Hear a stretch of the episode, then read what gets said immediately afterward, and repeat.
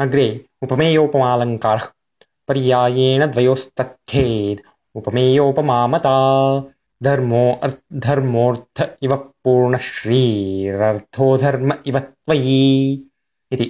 अत्र उदाहरणे धर्मश्च, अर्थश्च स्वीकृतौ स्तः धर्मः, अर्थः इव इति आदौ उक्त्वा पश्चात् अर्थः धर्मः इव इति वदति।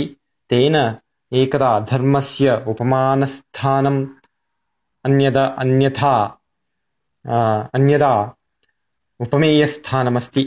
एवमेव अर्थः एकस्मिन् वाक्ये उपमेयः अपरस्मिन् वाक्ये च उपमानम्। एवम् अत्र उपमेयोपमालङ्कारः लक्ष्यते